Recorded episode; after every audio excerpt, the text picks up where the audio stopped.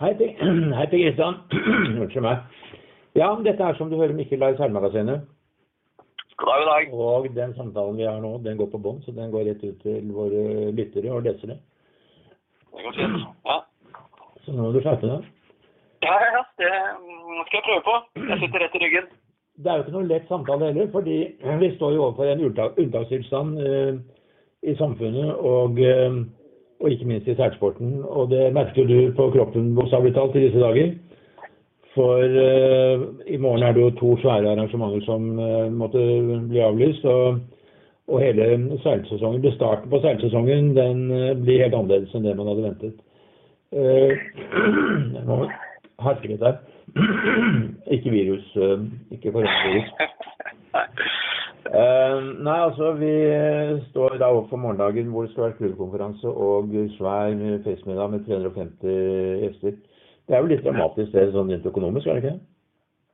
Jo da, det har jo Ja, det har vært to merkelige uker, rett og slett. Det begynte jo for så vidt eh, for eh, nesten 14 dager siden, hvor, eh, hvor eh, en lasersamling som vi skulle arrangere i påsken på Gardasjøen i Nord-Italia, eh, begynte jo å se usikkert ut. Og så er det jo Ja, så har det jo bare rast på. Så på en måte de, de vurderingene man gjør eh, klokka tolv, de er jo utdatert klokken fire. Så ja, det har, det, har vært, eh, det har vært to rare uker, rett og slett. Helt, helt uvirkelig. Men realiteten er i hvert fall at uh, disse to store arrangementene som var viktige for Seilforbundet uh, i morgen, de blir, eh, de blir ikke noe av. Og eh, Ja. eh, vi håper jo at, eh, at disse eh, begge arrangementene kan ta tas opp på et senere tidspunkt. Hvordan ser det ut? Ja da, vi, vi, Som du nevnte innledningsvis, så er det jo noen ja, vi får klare uavklarte økonomiske forhold med, med, med hotellet som vi må komme i mål på. Så før vi egentlig kan si noe hva vi gjør videre med, med jubileumsfesten. Eh, når det gjelder klubbkonferansen, så skal vi bruke nå eh, helga som kommer eh, på å planlegge litt noen slags webinarer eller, eller da webbasert eh, åpne diskusjonsforum på de forskjellige temaene. Vi er jo mange som har brukt veldig mye tid på å forberede gode innlegg og, og erfaringsdelinger som vi skulle hatt i morgen. Så det er, det er viktig at ikke de eh, går sånn helt i spillet nå. Eh, at vi kanskje kan ha en serie utover eh, eh, mars og april med, med interessante webbaserte eh, samlinger. Så det, det blir spennende. Ja, Det blir spennende. og det, er, det har man jo sett nå i disse tider, at det er mulig å gjøre en del sånne ting. Folk har hjemmekontorer og innretter seg på en helt annen måte. og Ved hjelp av dataløsninger så kan man gjøre det som du sier. Men en stor fest for 350 mennesker, det kan man ikke gjøre via, via data. Og der har jo nedlagt et masse arbeid i eh, et program, og, eh, og folk har forberedt seg. Og jeg vet mange som hadde gledet seg til den festen. Men de risikerer vel nå kanskje å tape pengene dine også? Hva sa du? De risikerer å De risikerer å tape det de har betalt for eh, Ja, vi, vi håper jo på en måte Ja, det blir noen forhandlinger med på en måte en eh, hardt pressa hotellbransje, eller et hardt pressa hotell. Så eh, vi, vi må se hvordan vi havner ut økonomisk på beina. Eh, vi håper jo at vi skal klare å gjøre noe på høsten, eller sågar eh, Altså, det kan jo hende at det runder et nytt år òg, før vi kan ta opp sånne type ting. Men eh, som du sier, det var mange som har nedlagt en masse tid og arbeid og forberedt, og dette hadde blitt en skikkelig bra fest, rett og slett. Eh, og ja, både med topptalere og toastmaster og et mingleområde på utsiden som skulle være dekorert og med mye gamle, gode minner og sånn. Så det Ja, jeg håper virkelig at vi får, eh, får uh, brukt alle de forberedelsene uh, og alle de ressursene vi har lagt ned i den uh, jubileumsfesten. Ja, og Får man til det, så er det ikke sikkert at eh, så mye eh, vil gå tapt. Men mye mer- merarbeid blir det nok for dere eh, fremover. Men det er nå én ting. Dette er jo da de landbaserte tingene. Vi har masse seilere som, som er midt i OL-forberedelsene.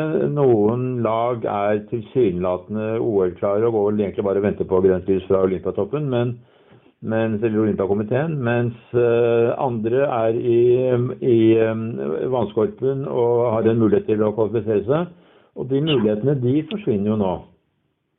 Ja, nå er det jo eh, siste europeiske uttaksregatta eh, som skulle foregått eh, ja, sånn midt i april i Genoa. Den, den er kansellert.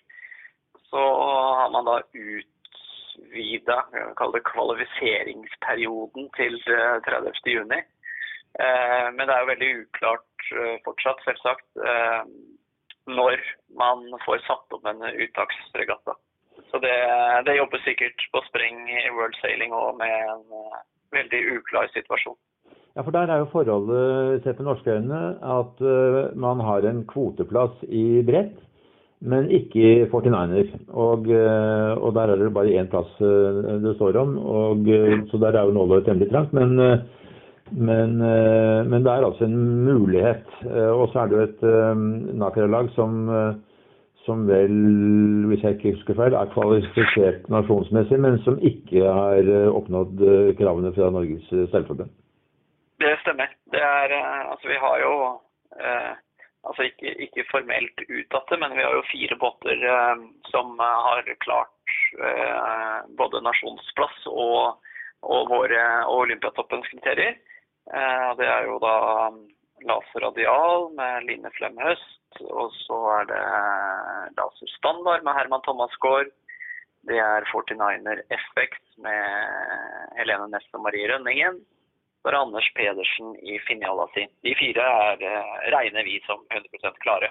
Ja, så Det betyr at eh, for dem du de går kanskje glipp av en regatta eller to, men de kan jo trene sånn som de vil og forberede seg mot OL Ehm, da etter beste evne. Og så er det jo selvfølgelig helt usikkert om det blir noe OL. Det vet man jo ikke. Eh, sett i dag så sier Trump at han øh, gjerne vil flytte det et år. Han har mening om det også. Uh, og ja, der er det også usikkerhet rundt det. da, Et OL uten tilskuere eller om et år eller ikke i det hele tatt. Det er veldig mange usikkerhetsmomenter. Men noe må dere forholde dere til. og Nå er seilerne på Mallorca, og, og der trener de da mot en regatta som ikke blir nå. Ja, eller altså, det har vel gått fra, fra da trene mot en regatta til, til trening. Eh, vi diskuterte jo veldig mye fram og tilbake og var i kontakt med sportssjef og trener der i, i går. Eh, og vi fant vel ut at eh, det å ta beslutninger i en sånn kaotisk dag som var i går, hvor alt var lockdown både internasjonalt og, og ikke minst nasjonalt, det, altså de avgjørelsene ikke, blir ikke noe bedre de vi tok, kunne tatt i går, enn det vi gjør i dag eller gjennom helga nå. Så, så, vi bestemte rett og slett bare å, å se an situasjonen litt til, og se hvilke hvilke beslutninger som blir tatt internasjonalt. Og så kommer nok seilerne hjemover eh, snart, og må jo da i karantene. Uh, ja. Så, så, så, så, vi vurderer hele tiden her nå, men, men uh, fant ut at vi, vi, vi, rusher ikke til flyplassen uh, og får hjem alle, alle, sammen med en gang. Altså bedre å måtte vente til at køene hadde lagt seg. og, og ja, ta, ta, noen kanskje litt mer veloverveide valg da i løpet av helga som kommer her nå. Ja. Og innenfor Seilforbundet så er, har folk hjemmekontor, og det fungerer vel sikkert ganske bra? Ja da. Altså vi, vi Ja, det, det, er ikke noe problem at vi opprettholder effektivitet der. Så det er, det er ikke noe problem i det. Det som er i hvert fall sikkert, er at um, dere har sympati fra, fra, publikum, fra de som skulle vært på seilemiddag og på klubbkonferanse, at dette er en uh, force majeure-situasjon som ikke skyldes uh, noen ting fra Seilforbundets side. Og, og, alle møter vel det faktum med, med den aller største velvilje. Uh, så det vi kan håpe på, det er jo at dere finner en løsning med hotellet som ikke går utover um, Særforbundets allerede stramme økonomi, og at uh, kanskje noen av de gjestene, alle gjestene også kan få igjen pengene sine, eller få en ny um, festmiddag på et senere tidspunkt. Ja, ja jeg må, jeg må takke Seil, uh, Seil-Norge for alle de hyggelige tilbakemeldingene etter at vi måtte avlyse eller kansellere. og det eh, Ja, det er bare på en måte udelt positive eh, tilbakemeldinger både på avgjørelsen, som jo på en måte har vist seg i ettertid eh, å være nærmest selvsagt, eh, men også når det gjelder den økonomiske situasjonen vi muligens blir satt i, at det er veldig stor forståelse for det. Og det, det takker jeg for. Ja.